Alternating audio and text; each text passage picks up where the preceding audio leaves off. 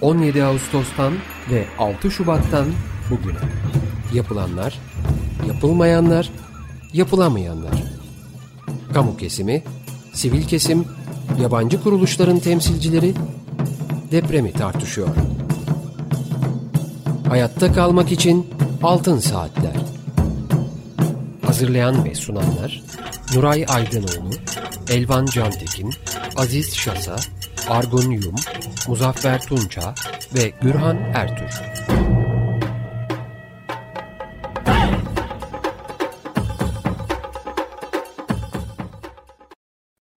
Altın Saatler programı deprem özel yayınındayız. Açık Dergi programının ilk saatini bize ayırdığı için İksen Mavi Tuna'ya çok teşekkür ediyoruz.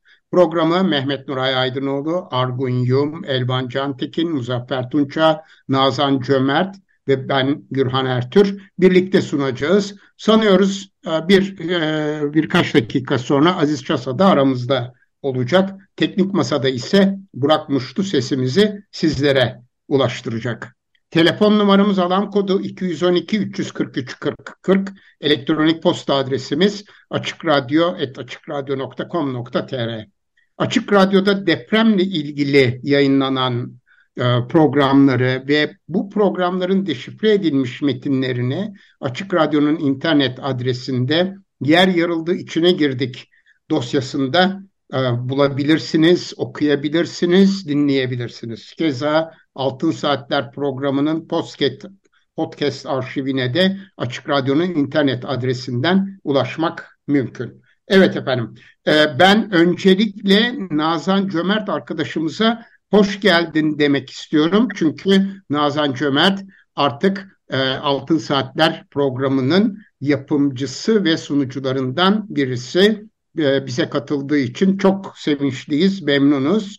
E, hoş geldin Nazan Cömert. Merhabalar. Merhabalar, hoş buldum. Çok teşekkürler. Ben de evet. çok Evet, Nuray Hocam, Argun Yum, Elvan Cantekin, Aziz Şasa, Muzaffer Tunca, sizler de programa hoş geldiniz. Hoş bulduk, merhabalar. Evet, Nuray Hocam, Türkiye Büyük Millet Meclisi Deprem Komisyonu çalışmalarına katıldınız. Bu e, izlenimlerinizi alabilir miyiz? E, ne oldu, ne bitti, komisyon nasıl çalışıyor? En azından siz memnun kaldınız mı? Evet, e, e, davet üzerine 6 Nisan 2023'te e, e, Türkiye Büyük Millet Meclisi Deprem Araştırma Komisyonu'nun e, toplantısına bir konuşma yapmak, sunum yapmak üzere davet edildim. E, e, tam sayısını bilmiyorum ama komisyonda milletvekillerinin herhalde büyük çoğunluğu vardı, oldukça kalabalıktı.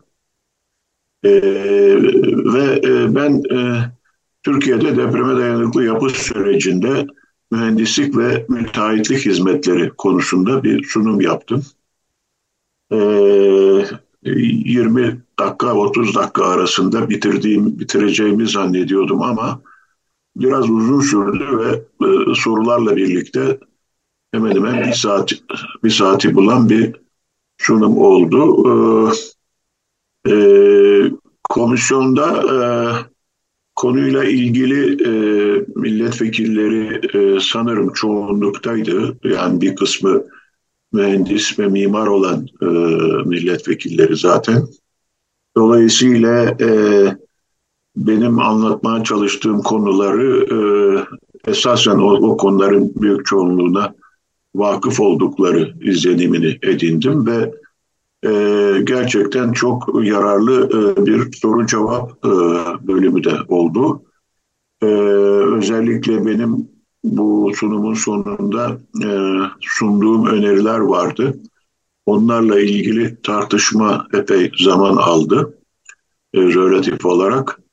E, benim izlenimim olumlu ancak e, yaptığım konuşmanın nihai raporda nedenli e, yer alacağını, e, kabul göreceğini e, rapor çıktıktan sonra göreceğiz. Ama e, benim özellikle vurguladığım yani benim konuşmamın özeti mühendislik ve müteahhitlik hizmetlerinde reform ihtiyacıydı. Yani bunun e, biraz önce belirttiğim gibi konuşmanın sonunda e, beş madde halinde e, önerilerimi ifade ettim. E, bir numaralı öneri mühendislikte mesleki yeterlilik sistemi olan yetkin mühendislik sisteminin yasalaştırılması ve ilk iş olarak acilen bu yasanın çıkarılması. Bu konuda kimsenin itirazı olmadığı gibi bir e, hava var ortada. Herkes bu işin gerçekten bir numaralı problem olduğu konusunda neredeyse ittifak yapmış durumda. İkincisi e, aslında e, bu konudaki tartışmalarda pek yerini bulmayan e, bir konu. E, ben e, açık radyodaki programlarda defaatle herhalde ifade etmişimdir. E, birinci konu demin söylediğim yetki yetkin mühendis, mühendislik konusu mühendislikte mesleki yeterlilik anlamında. Bir de yani bu kişisel yeterlilik, mühendisin kişisel olarak yeterliliği, bir de mühendislikte kurumsal yeterlilik. Bu da nedir? Ee, bütün mühendislik hizmetlerinin ki bunlar nedir? Proje yapımı, proje denetimi ve inşaat denetiminden oluşur. Bunların yeterli sayıda yetkin mühendislerin oluşturduğu yetkili danışman mühendislik firmaları tarafından yapılması ve bu firmaların kurulmasını ve görevlendirilmesini zorunlu kılacak yasal düzenlemelerin acilen gerçekleştirilmesi gerektiğini ifade. Bu bağlamda bu firmalara ve aynı zamanda bu firmaların sorumlu mühendislerine her üç mühendislik hizmet dalını da içermek üzere mesleki sorumluluk sigortası alma zorunluluğu getirilmesini e, ifade ettim. Bu konu çok e, geniş bir kabul gördü e, milletvekilleri tarafından. Özellikle e, komisyon başkanı Veysel Eroğlu ki kendisi de inşaat mühendisidir. İstanbul Teknik Üniversitesi'nde uzun süreler öğretim üyeliği yapmıştır. O bu konunun çok önemli olduğunu özellikle ifade etti. Ayrıca bu konuda bir konuşma yaparak. E, üçüncü önerim yetkin mühendislik sistemine dayalı yeni bir yapı denetim yasasının çıkarılması gerektiği konusuydu. E, bu malum e, hiç iyi çalışmayan bir yapı denetim sistemimiz var. Bunu çeşitli örneklerle komisyon üyelerine ifade ettim. E, dördüncüsü müteahhitlikte kurumsal yeterlilik. Yani bilgiye, deneyime dayalı güçlü bir mühendislik sisteminin oluşturulması için 2019'da e, yürürlüğe sokulan müteahhitlik yetki belgesi sisteminin geliştirilmesi ve düzeltilmesi. Çünkü o, o, o sistemde de bir takım e, kuruluştan itibaren bir takım sorunlar var. E, bu bağlamda inşaat mühendisleri, müteahhitleri odasının kurulması e, ve yine inşaat mühendisleri odasının yıllardır dile getirdiği uygulamada şantiye şefliğinin rasyonel bir hale getirilmesi ve her şantiye için e, bir e, şantiye şefi e, sloganıyla ifade edilen sistemin hayata geçirilmesini e, önerdim. Nihayet beşinci önerim ise kurumsal görev ve yetkilerin yeniden tanımlanması anlamında özellikle AFAD'la ilgili önerilerde bulundum. AFAD e, biliyorsunuz çok iyi niyetle kuruldu. E, belli görevleri başarıyla e, tamamladı. Ancak son depremlerde AFAD'ın performansı büyük ölçüde tartışılır hale geldi. Bu özellikle son 10 yıl içinde yani kurulduktan itibaren AFAD'ın giderek e, bürokratik e, bir e, yapıya kavuşması yani verimliliğinin azalması ve daha da önemlisi her konuya tekelci bir biçimde, merkezi bir biçimde e, sahip çıkma anlayışının AFAD'da ortaya, e, AFAD'da hakim olması ve bu bağlamda şu öneride bulundum.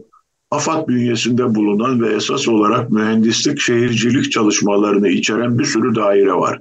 Bunlar sırasıyla deprem dairesi, risk azaltma planları dairesi, risk belirleme ve önlem dairesi, hasar tespiti ve hak sahipleri de sahipliği dairesi, yer seçimi ve mekansal planlama dairesi.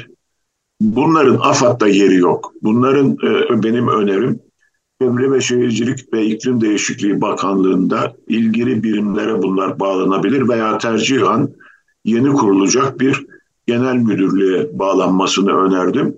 Komisyon e, bunu ilginç buldu. Hatta ben de esasen aslında öyle düşünüyorum da burada ifade etmedim.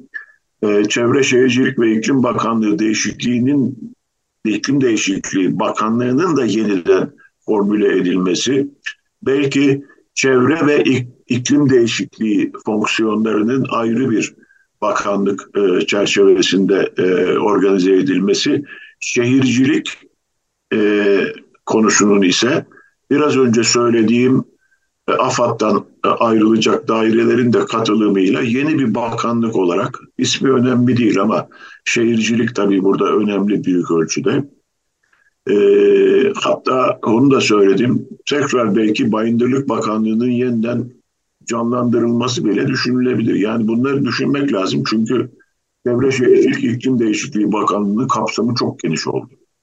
Ve e, AFAD'ın e, bu da sözünü ettiğim genellikle de ağırlıklı olarak mühendislik ve şehircilik çalışmalarını içeren bu sözünü ettiğim dairelerinin ayrılmasından sonra AFAD'ın sadece arama kurtarma, acil yardım, geçici barınma ve lojistik hizmetlerinin koordinasyonundan sorumlu. Bizzat icrasından değil, koordinasyonundan sorumlu bir kurum olarak yeniden yapılandırılması gereğini ifade ettim. Bu, bu, bu fikirde e, esasen e, komisyon üyelerinin anladığım kadarıyla e, gayet yakın, sıcak baktıkları bir konu. E, bu da çok olumlu karşılandı. Gerçekten e, AFAD'ın e, ciddi bir reorganizasyona ihtiyacı olduğunu e, herkes kabul ediyor. Bu bağlamda e, e, kendi açıma, kendi açımdan Türkiye'deki mühendislik, mimar, müteahhitlik sorunlarının dile getirilmesi, kayda geçmesi açısından kendi açımdan iyi bir toplantı olduğu sonucunu söyleyebiliyorum. Evet, Elvan. Hocam bu noktada ben bir e, hani hem soru hem de yorum e, aynı zamanda olacak ama şimdi sizin bu önerdiğiniz sistem esasında 1900 e, 99 döneminde de geçerli olan eski sisteme çok yakın bir sistem. Eskiden işte AFAD yoktu da sivil savunma vardı ve arama kurtarma ve benzeri işlemler sivil savunma tarafından yapılıyordu. Ee, onu şeyde e, Bayındırlık Bakanlığı'na bağlı Afet İşleri Genel Müdürlüğü tarafından yürütülüyordu. Bu mühendislik hizmetleri diye tanımlayabileceğim şeyler. Ee, yani e, afet sonrası şeyde iyileştirmede dahil olmak üzere e, çalışmalar öyle yapılıyordu bu sistemin e, işlemediği konusunda bir genel e, kanı oluştuğu için daha sonra e, başka bir daha e, hani bütün bu e, birimleri bir araya getirecek, koordinasyonu daha iyi sağlayabilecek bir yapı olarak AFAD önerilmişti. Şimdi e, sizin bu önerdiğiniz ve de anladığım kadarıyla komisyonda da bir e, onay gören ya da e, hani taraftar bulan görüş e, bir anlamda afet yönetimini, risk yönetimi ve e, kriz yönetimi olarak ikiye ayırıp risk yönetimini Çevre Bakanlığı'na ya da sizin de öneriniz çerçevesinde Şehircilik Bakanlığı'na e, kriz yönetimi ise AFAD'a e, şey yapıyor, yönlendiriyor. Bu, bu şekilde bir e, öneri mi e, söz konusu? E, bu önerinin geçmişte karşılaşılan bir takım problemler nedeniyle e, değiştirilmiş sistemi geri getireceği e, görüşüne katılır mısınız? E, bu konuda hani düşünceniz nedir? Evet. Onu da ben öğrenmek isterdim. Ee, evet, haklısınız. Ee, bir nevi geriye dönüş gibi düşünülebilir ama tabii benim kastım geriye dönüş değil. Ee, yani bu, bu hizmetlerin e, e, yeni kurulacak bir bakanlıkta veya bakanlık bünyesi içinde yeniden yeni bir anlayışla ele alınıp gerçek manada hayata geçirilmesini ben kastediyorum. E, çünkü benim gözlemim şu, e, AFAD hiçbir zaman kurulduğundan bu yana mühendislik ve şehircilik çalışmalar açısından zaten yeterli ve e, yeterli kaliteli bir hizmet yapamadı. Bu, bu, bu konudaki teşkilatlanmasını yapamadı. Mesela deprem dairesi benim kişisel olarak en yakından tanıdığım daire. E, burada de, mesela e, e deprem dairesinin sorumlu olduğu en önemli konulardan biri Türkiye'deki deprem yönetmeliklerinin hazırlanması olayı. E, bu deprem mühendisliği konusu. Nitekim orada deprem mühendisliği e, çalışma grubu diye bir grup vardı. Son zamanlarda o, onları da biraz değiştirdiler isimlerini ama. Ya orası gayet zayıf bir gruptu. Ve daha ziyade siyasi gerekçelerle kusura bakmayın kullandığım kelimeyi torpille oraya doldurulan bir takım insanların bulunduğu bir yerdi. Hiçbir fonksiyonu yoktu. Biz yönetmeliği hazırlarken onlarla işbirliği yapmak zorundaydık ama muazzam zorluk çektik. Çünkü konumuzun ne olduğunu bile bilen, bunu bu konuya vakıf bir eleman altyapısı yoktu. Mesela demin de ifade ettiğim gibi resmen şehir planlaması konularını içeren e, şeyler var. E, mesela mekansal planlama dairesi. E bu, bu nedir bu? Yani yer seçimi mekansal planlama dairesi e, çok önemli bir şey bence. Yani yalnız deprem sonrası için değil, genel olarak e, bütün süreçte önemli.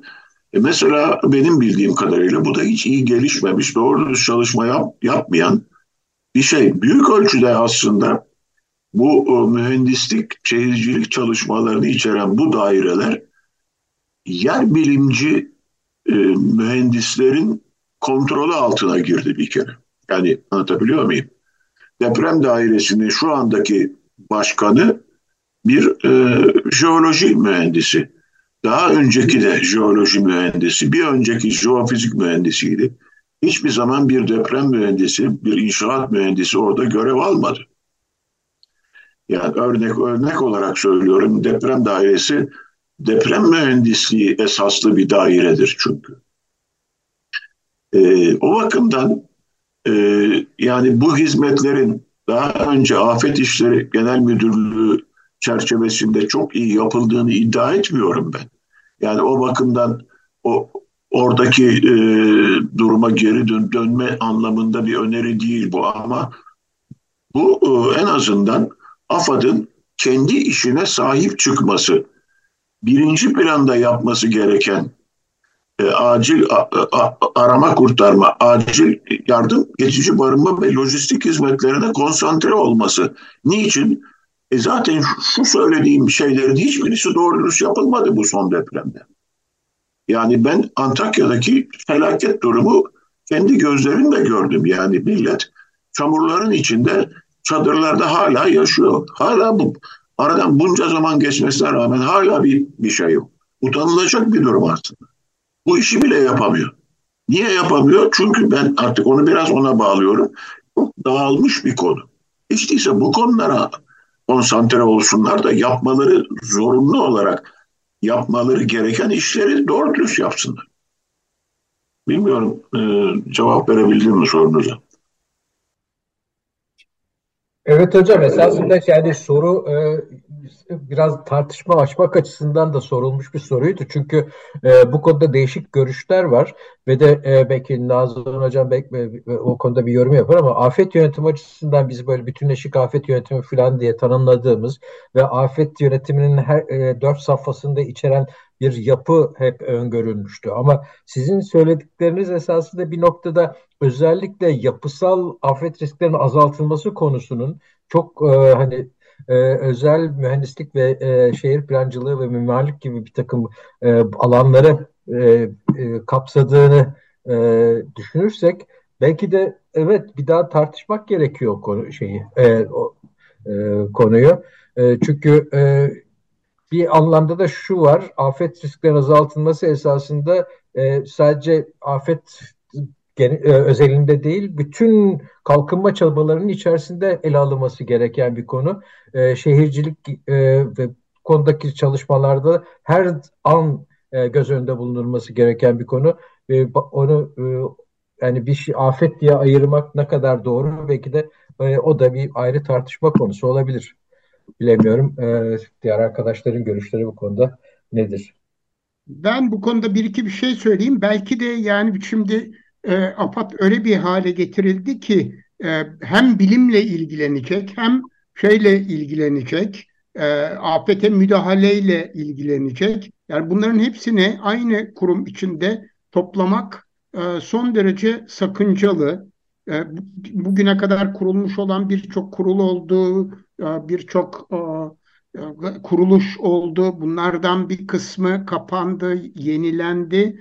Yani sü sürekli meseleyi bir e, organizasyon tipinde e, aramanın e, dışında e, belki de konuları e, afete müdahaleyi ayırarak e, daha iyi değerlendirebiliriz diye düşünüyorum. E, Nazan Cömert söz istedi ama bir kısa bir dakikalık araya gitmemiz gerekiyor. Reklam arasına gitmemiz gerekiyor. Ondan sonra hemen e, Nazan sana söz vereceğim. Altın Saatler programı deprem özel yayınının ikinci bölümündeyiz. Evet, Nazan Cömert'te söz. Evet, e, aslında AFAD'ın görev ve hizmet yükünün hafifletilmesi hem AFAD'ın etkinliği hem de acil durum hizmetlerinin etkinliği açısından gerekli gibi görünüyor. Ben biraz daha ileri giderek barınmanın da e, AFAD'dan e, e, ayrılması gerektiğini düşünüyorum. E, e, bir de şunu e, belki altını çizmekte fayda var. Biz e, AFAD'ı hep müdahaleyi sanki kriz yönetimi olarak algılıyoruz. Halbuki müdahalenin önlemeyle ilgili yani önlemeyle alakalı afet öncesi e, durumla hazırlık ve planlama ile ilgili önemli görevleri var. Mesela AFAD e, bu üzerindeki fazla e, görev ve hizmet yükünden kurtulduğu vakit yeni bir takım koordinasyon, planlama, e, işte hizmetlerin hizmet standartizasyonuna ilişkin, acil durum hizmetlerinin standartizasyonuna ilişkin çok önemli görevleri de üstlenebilir. Dolayısıyla hani AFAD'ı sadece e, bütün görev ve hizmetlerden soyutlamak değil, asli görevi olan demin e, Gürhan'ın söylediği gibi koordinasyon e, artı e, e, planlama, hazırlık ve planlama ve hizmet standartizasyonu konusunda önemli görevleri var. Mesela bu konu hiç gündeme gelmiyor. Acil durum hizmetlerinin standartizasyon konusu.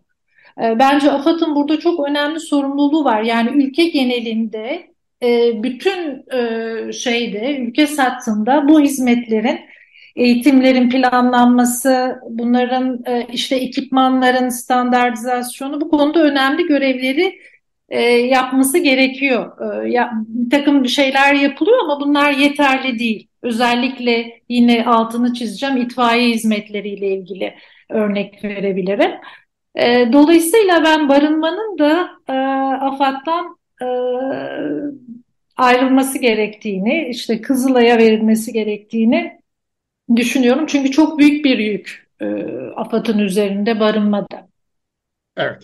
Aziz Çasan'ın belki söyleyecek bir şey vardır bu konuda. Mikrofonunu açarak Aziz Bey var evet, mı? Açtım, açtım. Merhaba. Ee, şimdi ben e, bu son gündem maddesine şey yaparsak e, şöyle ben hocaya AFAD'la ilgili söylediği şeylere katılıyorum. Bir anlayış problemi var. Yani AFAD'a şu anda şöyle yürüyor bu işler. Herkes AFAD'a. Ne varsa elinde bütün sorumluluğunu AFAD'a e, yolluyor. Yani her şeyi AFAD'dan bekliyor. Bu e, AFAD da buna pek itiraz etmiyor maalesef. Dolayısıyla boğuluyor. Şeyin içinde boğuluyor. Ve yani bu yükün içinde boğuluyor. Yapılması gerekenler, yapılan e, yapılması gerekenler belli. Bunları tek bir yere e, yönelttiğiniz zaman bu sorunun olması tabii e, kaçınılmaz maalesef.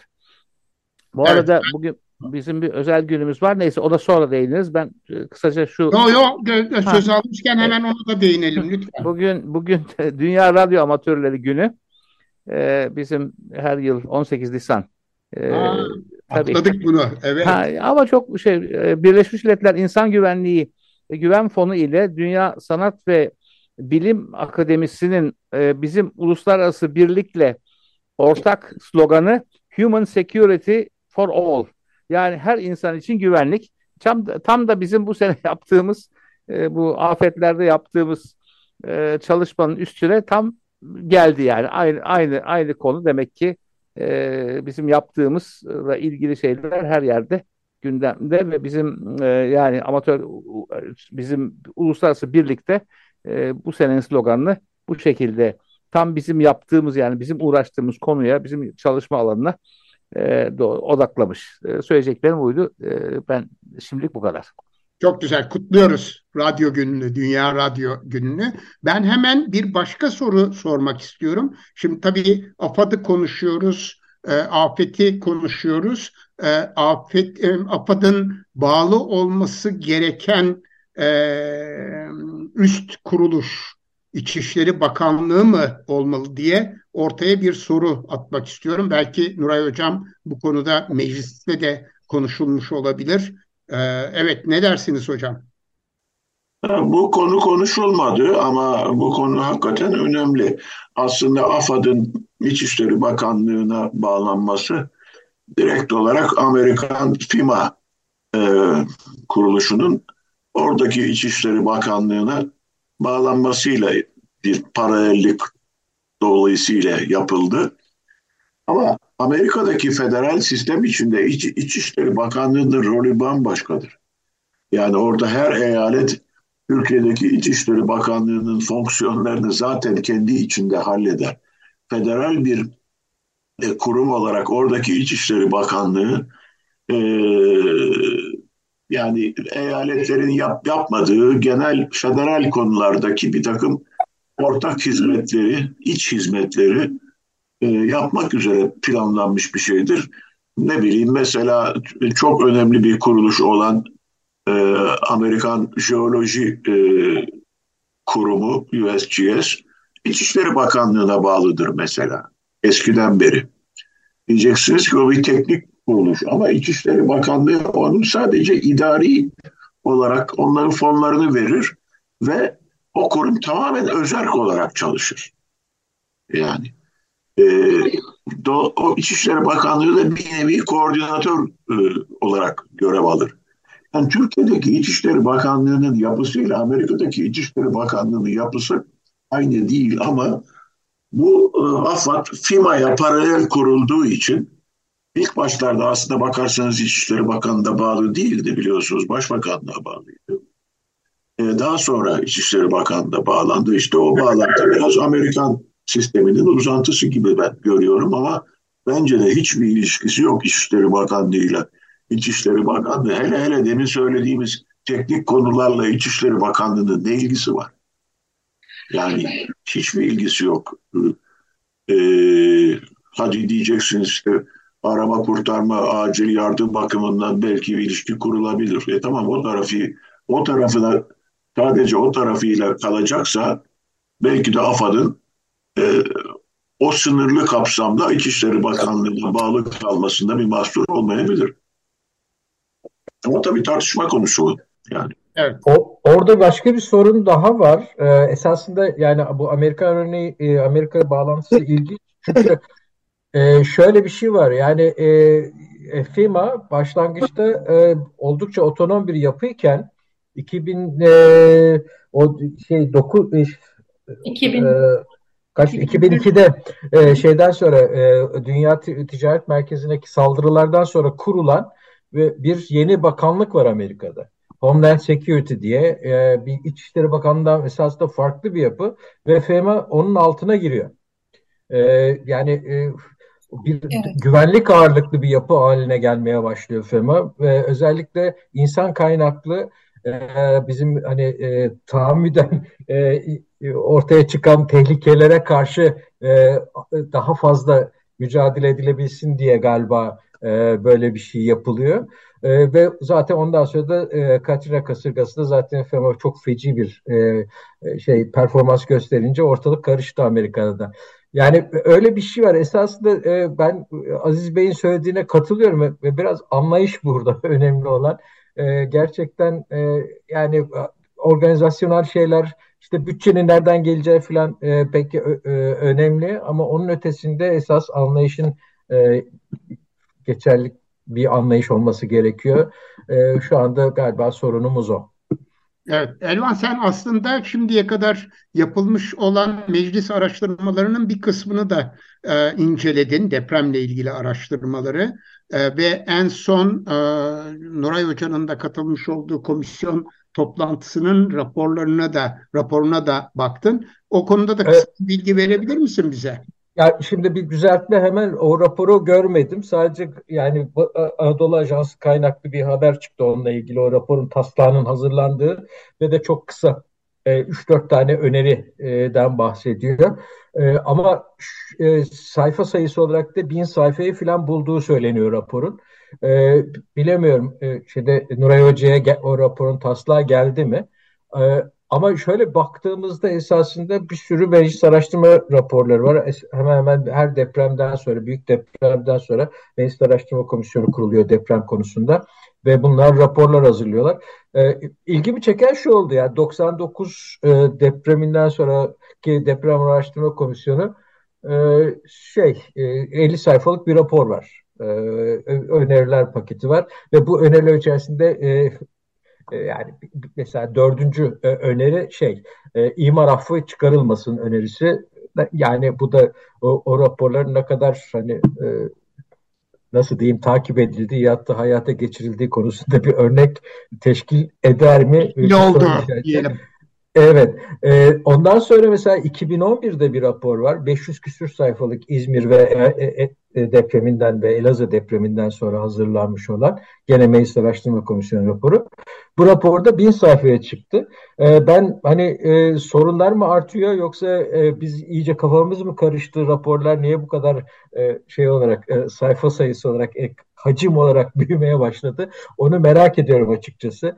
Ama şöyle 99'dan sonraki e, 99 yılının e, sanıyorum Aralık ayında yayınlanan o kısa rapora baktığınızda ki o raporun önemli bölümü de baş tarafları bir takım hani depremle ilgili ter, terminolojiden falan da e, e, şey yapıyor söz ediyor. E, oradaki öneriler e, e, hala bu, bu son raporda da karşımıza gelecek olan öneriler gibi gözüküyor. Bu da e, işin e, acı tarafı herhalde. Yani evet. Bu son raporun taslağını ben görmedim. Sadece e, basından takip edebildiğim kadarıyla bu bilgiler var bende. O ta, taslakla daha çıktı mı o belli değil. Ben şey e, tutanak demek e, gerekiyor herhalde. Ben tutanaklar çok az. E, yani tutanaklara ulaşılabiliyor. E, evet. Bazılarına baktık ama sadece e, Nuray Hoca'nın biraz önce bahsettiği oturumunun tutanağı 232 sayfa. Hepsini okumak mümkün değil pek e, öyle. Çünkü e, onlarca e, oturum yapılmış. E, ve e, yani ben o şeydim belki de hani e, orada sunum yapanlara raporun taslağı gönderilmiş midir diye sormak istedim Nuray Hoca'ya. E, Hayır bana bir şey gelmedi. Gelmedi, gelmedi mi? E, evet e, yani tutanaklarda tabii bütün bu öneriler var ama komisyonun e, bu görüşleri nasıl derleyip toparladığı ve bunu nasıl e, bir şekilde rapor haline getirdiği ve hangilerini burada sunulan görüşlerden hangilerini e, raporda e, yer vereceği e, tabii bilinmiyor daha şu anda. Muhtemelen rapor şu anda hazırlanıyor tahmin ediyorum. Henüz bittiğini sanmıyorum. Komisyon başkanı meclis kapandıktan sonra biz yoğun bir biçimde meclis sekret şey komisyon sekreteryası olarak çalışacağız ve raporumuzu bitireceğiz dedi. Çünkü benim katıldığım gün 6 Nisan meclisin son günüydü. Yani kapandığı gündü daha doğrusu. Ee, ama biz çalışacağız demişti. Aradan sadece 12 gün geçti. Ee, bu kadar sanıyorum e, Erdoğan'ın da söylediği gibi çok kapsamlı bir rapor olacak yine. Ama bu kapsam konusunda ben de şu görüşümü ifade edeyim. Bir önceki raporu hatırlıyorum.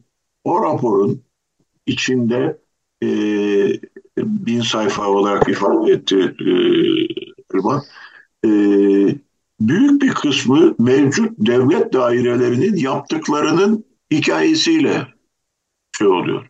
Yani bu raporlar bir nevi devlet işte biz görevimizi ne kadar iyi yaptık bakın falan diye e, devlet bürokrasinin yaptıklarını kayda geçirmeye getirmek amaçlı bir fonksiyon görüyor gibi bana geldi. Yani mesela orada AFAD işte şunu yaptık bunu yaptık e, şu kadar bir takım rakamlar sayılar bol bol tablolar vesaire vesaire ama işin özüne giden çok az şey var. Yani bir nevi hani e, Türk kendi reklamını yapar hikayesi gibi yani bu, bu, bu kurumlar da kendi reklamlarını bu bu platformda yapma olanağına sahip oluyorlar gibi bir izlenim var. İnşallah bu seferki öyle olmaz.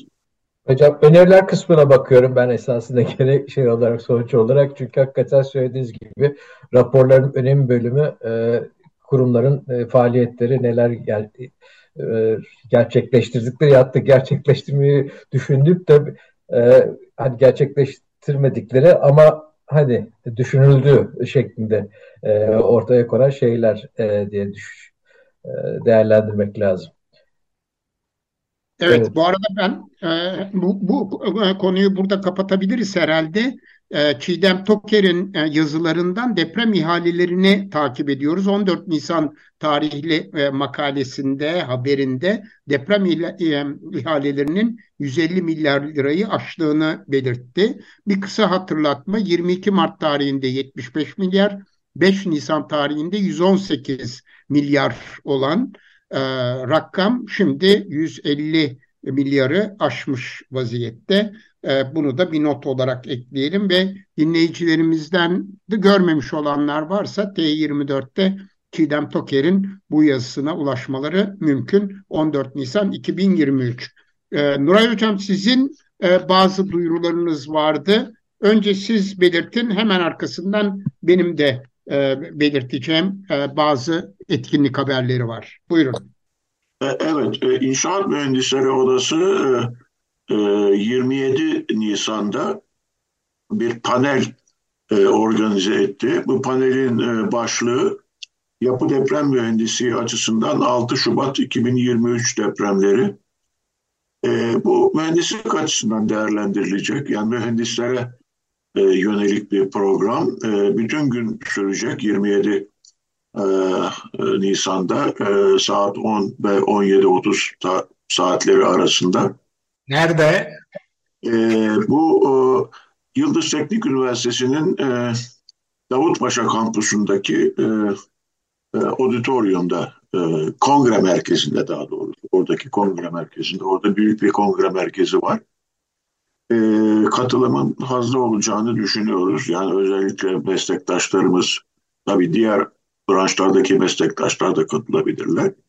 Burada depremi her açım, çeşitli açılardan değerlendirmeyi planladık konuşmacılar. 11-12 konuşmacımız var.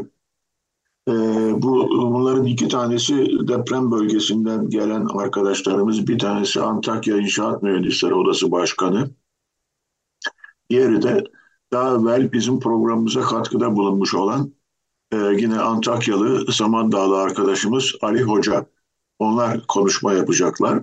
E, e, ondan sonra e, deprem yer hareketiyle, depremdeki hasarların yorumuyla ilgili e, ve yapılması gereken, e, bundan sonra yapılması gerekenlerin önerilerinin e, ifade edileceği çeşitli e, konuşmalar planladık.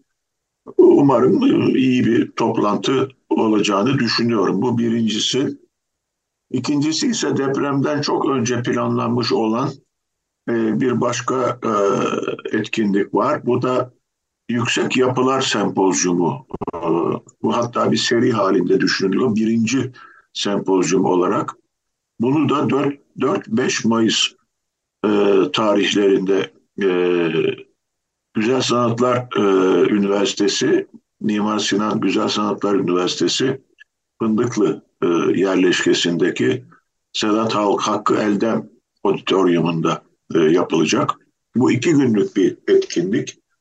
yüksek yapılarla ilgili e, konuları bütün e, veçeleriyle ele almayı e, amaçlayan ve davetli konuşmacıların sunum yapacağı bir e, etkinlik olacak, bir sempozyum olacak. Yani işin mimari boyutundan başlayarak mühendislik boyutu, yangın, e, mesela rüzgar mühendisliği özellikle deprem mühendisliği, rüzgar mühendisliği e, açılarından ele alan, e, yapısal olmayan elemanların tasarımını, işte yapı zemin etkileşimini, temel temel tasarımlarını e, ele alan e, oldukça geniş kapsamda bu konuda e, Türkiye'deki e, e, bilgi birikimini olabildiğince iyi aktarmayı hedefleyen bir etkinlik olacak. E, onda e, dediğim gibi 4-5 Mayıs e, 2023 e, tarihlerinde yapılacak iki günlük bir etkinlik. Evet, ben de hemen yarın düzenlenecek olan bir e, deprem panelini aktarmak istiyorum. E, Bilim e, Akademisi e, aslında üçüncüsünü düzenliyor deprem panellerinin. E, üçüncüsü 6 Şubat'tan dirençli çıkmak. Bilim Akademisi deprem panelleri serisinin e, üçüncüsü olduğunu belirtmiştim.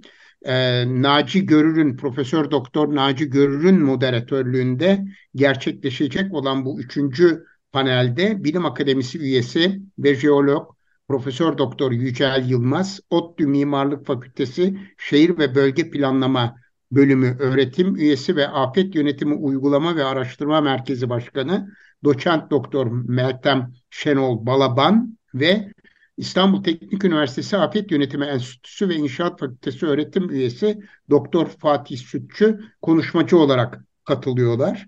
Yer bilimleri, altyapı, yapı stoğu ve çevre konuları üzerinde uzmanların konuşmalar yapacağı bu etkinlik yarın yani 19 Nisan çarşamba günü saat 18'de herkesin katılımına açık ve ücretsiz ama bir kayıt gerekiyor. Onun için Bilim Akademisi'nin sitesine girdi, girildiğinde çok rahatlıkla kayıt yapmak e, mümkün. Yeri neresi? Yapı Kredi binası biliyorsunuz Galatasaray'da onun en üst katında loca salonu var. O salonda bugüne kadar yapılmış olan iki panelle ilgili bilgiyi de vereyim.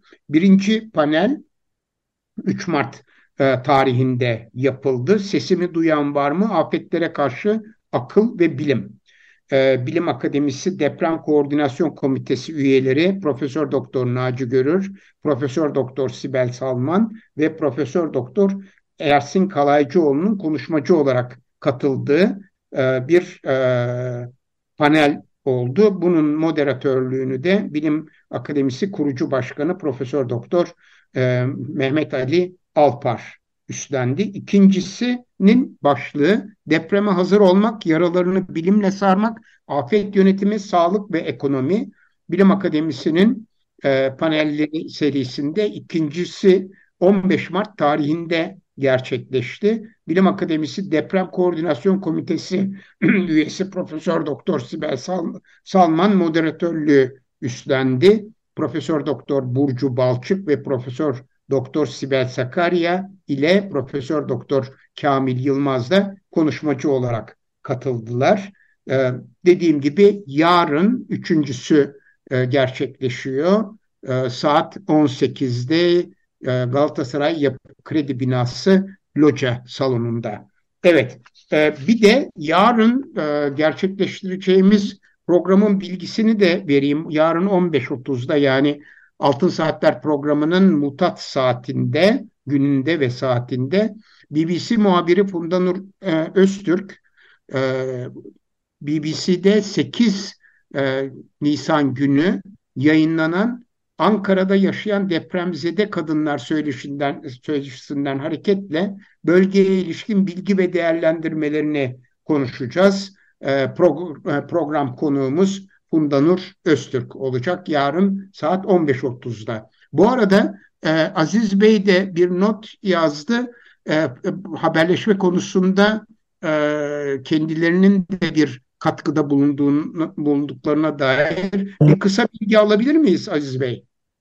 E, evet efendim. E, şöyle biz biraz geç haberdar olduk. Bize davet gelmedi. Daha evvel e, meclis toplantılarıyla ilgili haber gelirdi. Yani e, davet gelirdi gelmedi. Biz Miktat Hoca'dan haberi alınca son dakikada bir rapor hazırlayıp gönderdik. E, bayağı da ısrarlı bir şekilde gönderdik. Bilmiyorum ne derece yansıyacak şeye. E, bu toplan bu bu komisyonun bizim yönümüzden en önemli e, e, çıktısı GSM'cilerin biz e, bir şey yapamayacağız itirafı. E, orada açık açık bir itiraf oldu. Yani e, çok sıkıştırdılar şeyi biliyorsunuz GSM'cileri. Haksız yere GSM'cilerin yapıp, ne yapıp ne yapamayacağı ortada herkes GSM'cilere yüklendi. Onlar da pek şey yapamadılar.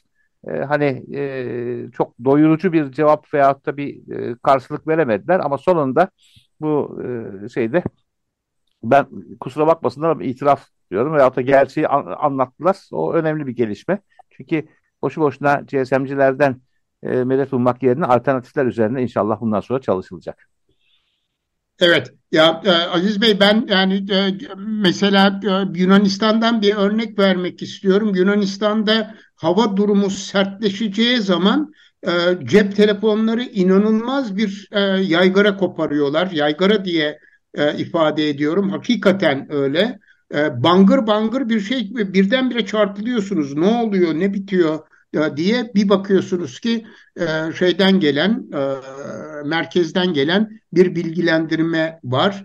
E, ve bunu iki dilde hem Yunanca hem de İngilizce olarak veriyorlar. E, işte şeyin hava durumuna göre alınacak olan tedbirlerin kademesini ifade etmek üzere. En azından bunu yapsalar bile önemli bir katkı olur. Ayrıca tabii ki e, evet e, bunu biz programlarımızda sizin sayenizde çok konuştuk, çok üzerinde durduk. E, bu tür durumlarda aşırı yüklenme nedeniyle e, cep telefonları e, maalesef bir işe yarayamıyor e, ama onun dışında gene cep telefonu firmalarının, GSM e, firmalarının gerçekleştirecekleri yat yatırımlar olduğu da e, çok açık. En azından e, bölgeye hızlı intikal ettirebilecekleri mobil istasyonlar vesaire bunlar çok konuşulduğu için e, tekrarlamak istemiyorum ama e, gerçekten e, bu mesele e, önemli bir konu durumunda. Ben son olarak programı bitirmeden önce önümüzdeki haftaya ilişkin de bilgi vermek istiyorum. E, 25 Nisan Salı günü saat 18'de konuğumuz Profesör Doktor Nuray Karancı olacak e, ve e, kendisiyle özellikle psikososyal alanda e, yapılması gerekenler e, deprem öncesinde, afetler öncesinde yapılması gerekenlere e, ilişkin sohbet edeceğiz. 26 Nisan Çarşamba günü 15.30'da ikinci bir programımız var. E, Arkeolog Nezih Başgelen'le ikinci programımızı gerçekleştireceğiz. E, daha önce 15 gün önce yapmış olduğumuz ilk programda bölgedeki tarihi miras alanlarını, binaları ve e, müzelerdeki durumu konuşmuştuk. Şimdi o bilgilerde e, bayağı e, yeni e, güncellemeler yaptı Nezih Bey. E, önümüzdeki hafta çarşamba günü e, saat 15'te 26 Nisan günü 15.30'da e, arkeolog Nezih Başgelen'le e, birlikte olacağız. E, bu programı bugün burada bitirmek durumundayız. E, çok teşekkürler arkadaşlar katkılarınız için. Ee, yarın 15.30'da tekrar Açık Radyo Altın Saatler programında görüşmek dileğiyle. Hoşçakalın. Hoşçakalın. Hoşçakalın.